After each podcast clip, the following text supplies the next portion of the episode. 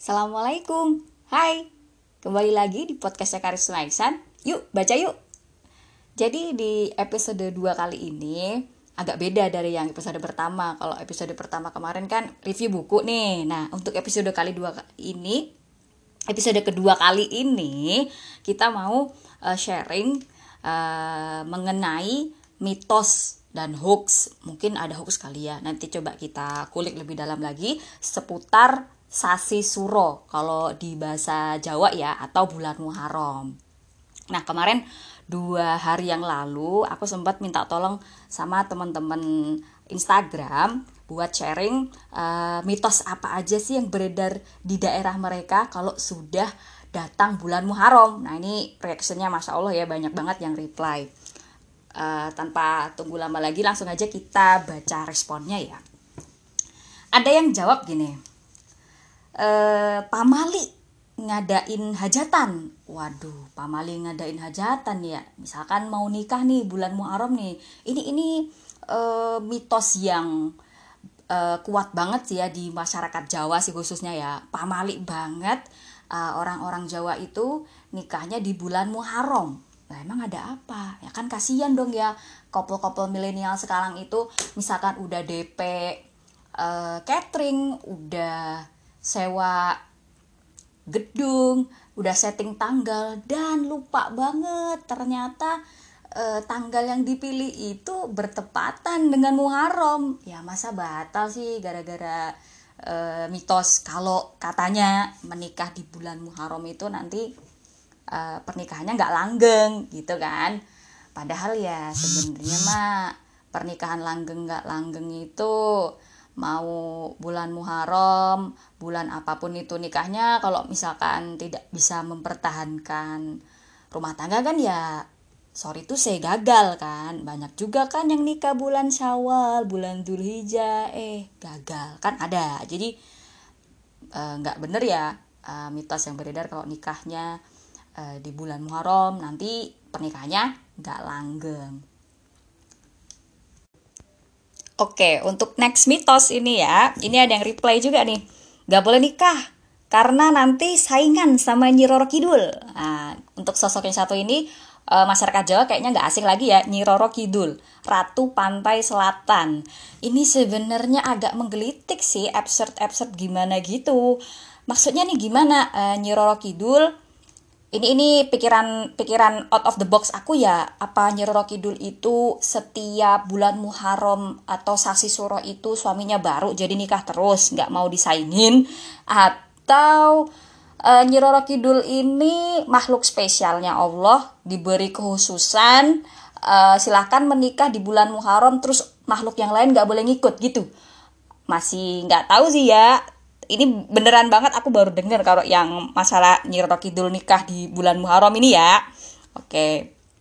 Kalau menurutku sih nggak masuk akal ya. Nyi Kidul kan uh, kita bahas sedikit ya. Nyi Kidul kan sosok uh, bukan manusia pastinya.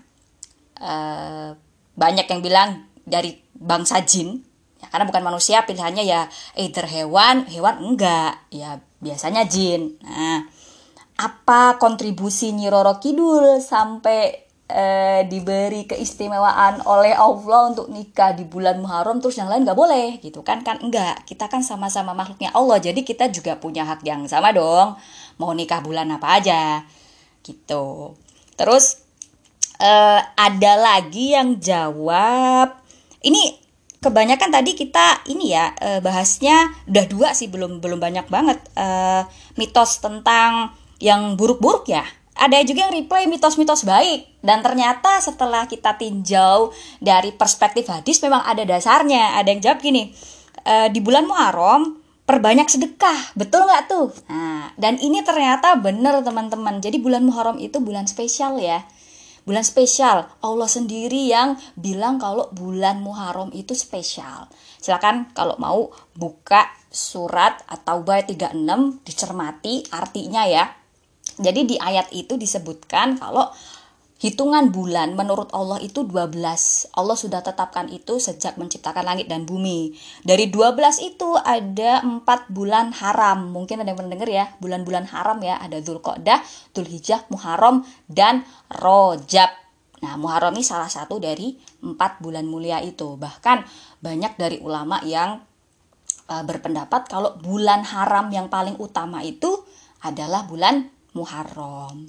Oke, bulan Muharram lagi juga salah satu, bukan salah satu lagi, satu-satunya bulan yang Allah nisbatkan namanya agung ke bulan itu. Jadi ada juga di hadis Allah menyebut uh, di, di salah satu hadis Nabi, Nabi menyebut kalau uh, bulan Muharram adalah bulan Allah. Nah, seperti itu ada hadisnya.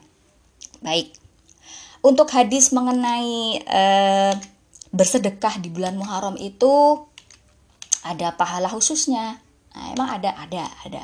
Ini bener kalau ini, ini nggak mitos, ini fakta. Ada hadisnya. Nah, ini diriwayatkan oleh uh, sahabat Nabi Abu Hurairah ya. Dan diriwayatkan lagi oleh uh, Imam Baihaqi. Hadisnya bilang seperti ini. Qala Rasulullah sallallahu alaihi wasallam man wasa'a ala ayalihi wa ahlihi yauma asyura wasa'allahu alaihi sa'ira sanatihi.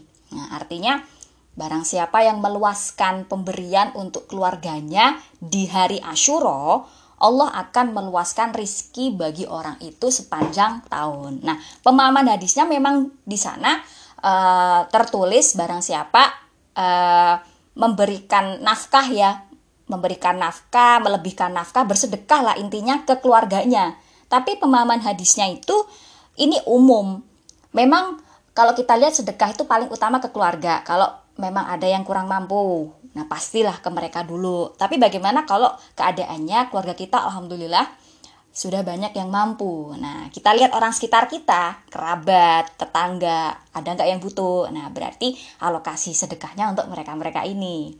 Dan ini untuk untuk derajat hadisnya sendiri memang macam-macam ya. Ada yang bilang doif, ada yang bilang hasan.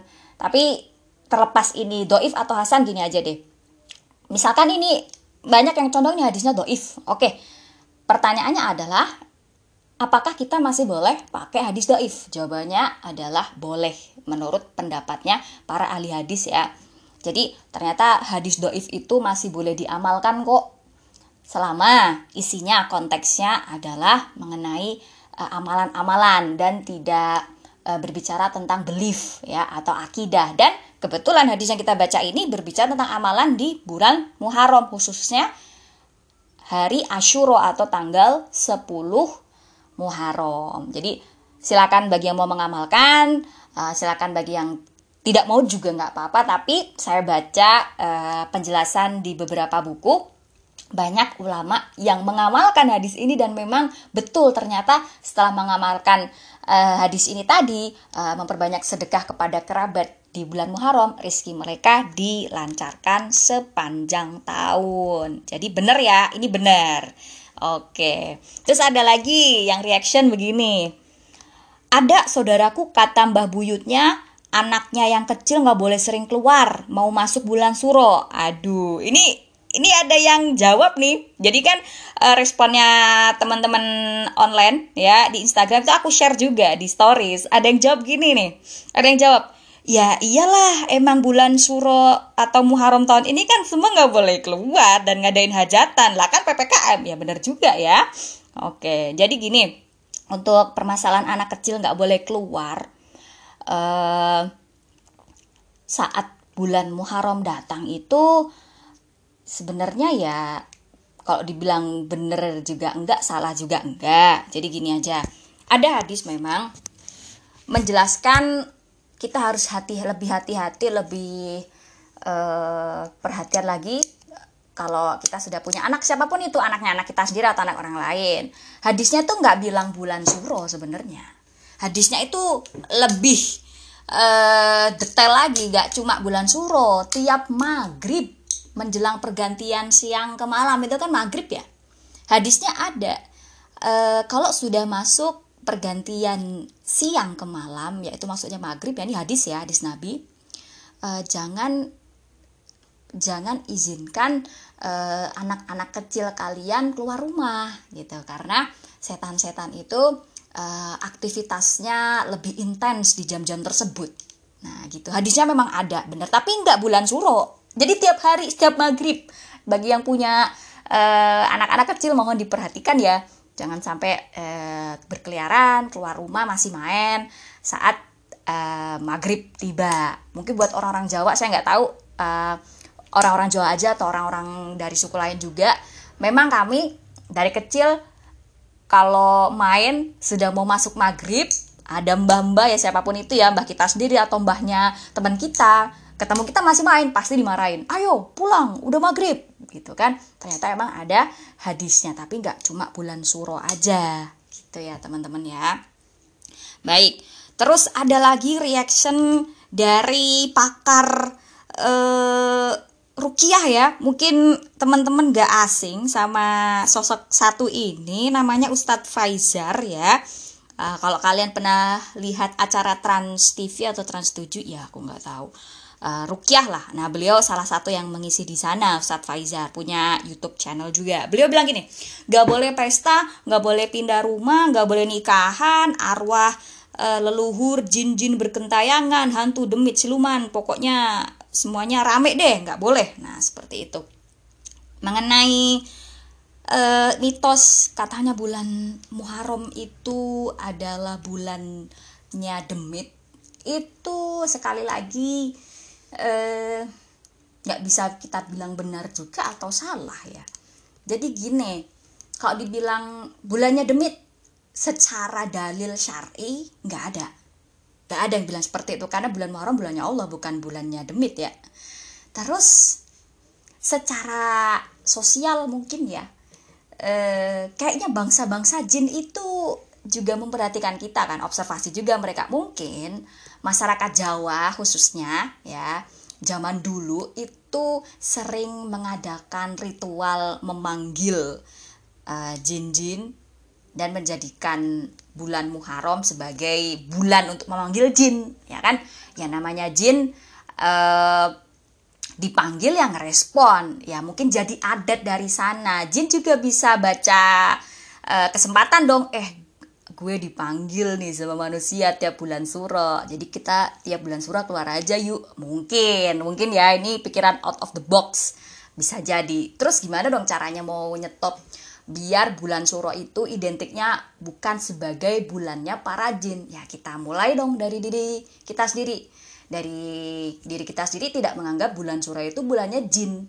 Gitu. Mungkin aja dengan kita mempraktekannya ke diri kita sendiri dan keluarga kita mungkin uh, tetangga-tetangga yang masih percaya dengan mitos itu juga ikut gitu kan jadi stop glorifying uh, Muharram season sebagai bulannya para demit harus dari kita dulu mulai jadi kita uh, mulai dari diri kita tidak lagi mengagung-agungkan bulan Muharram sebagai bulannya demit ya.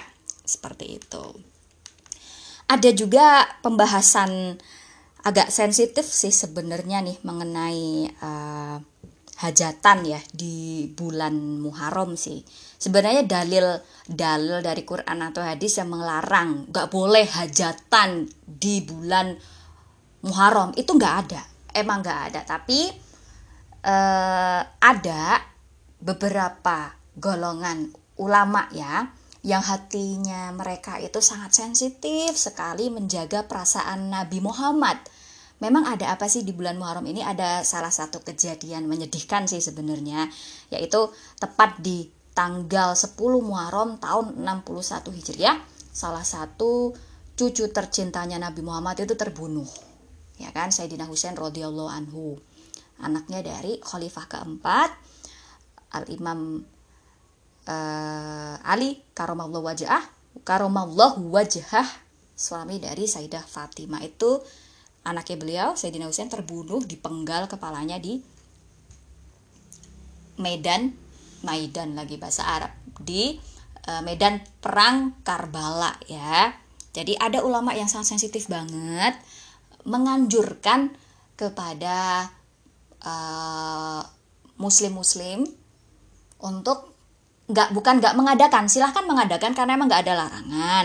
Tapi beliau-beliau menganjurkan banyak-banyak istighfar. Dan minta maaf.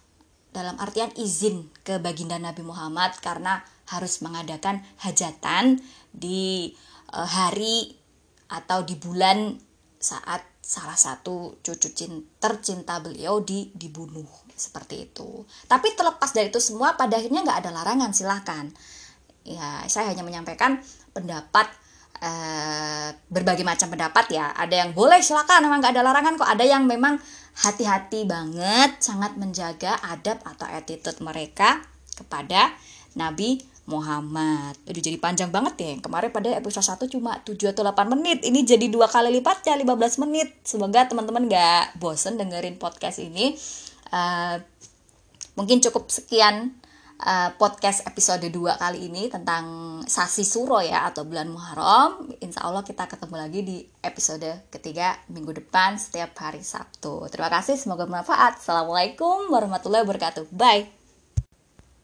Eh sebentar sebentar ada ketinggalan nih. Jadi lupa ngasih tahu uh, di bulan Muharram ini juga ada tanggal spesial, tanggal 10 ya, 10 Muharram atau kita nyebutnya hari Ashuro. Ada amalan yang kalau dilewat dilewatkan sayang banget nih, yaitu puasa di tanggal 10 Muharram. Menurut riwayat ya, riwayat hadis dan hadisnya ini sohi diriwayatkan oleh Imam Muslim uh, dijelaskan kalau kita puasa di hari Ashuro Rasul memohon kepada Allah agar puasa kita di hari Ashura itu menghapus dosa kita setahun sebelumnya. Jadi jangan sampai ketinggalan puasa di tanggal 10 Muharram. Dan kalau bisa dibarengi juga dengan tanggal 9 karena sunahnya bareng puasanya tanggal 9 dan 10. Kenapa tanggal 9 juga? Biar nggak sama uh, dengan bangsa lain yaitu bangsa Yahudi. Karena bangsa Yahudi juga berpuasa di tanggal 10 Muharram. Itu aja, nggak nambah lagi. Terima kasih.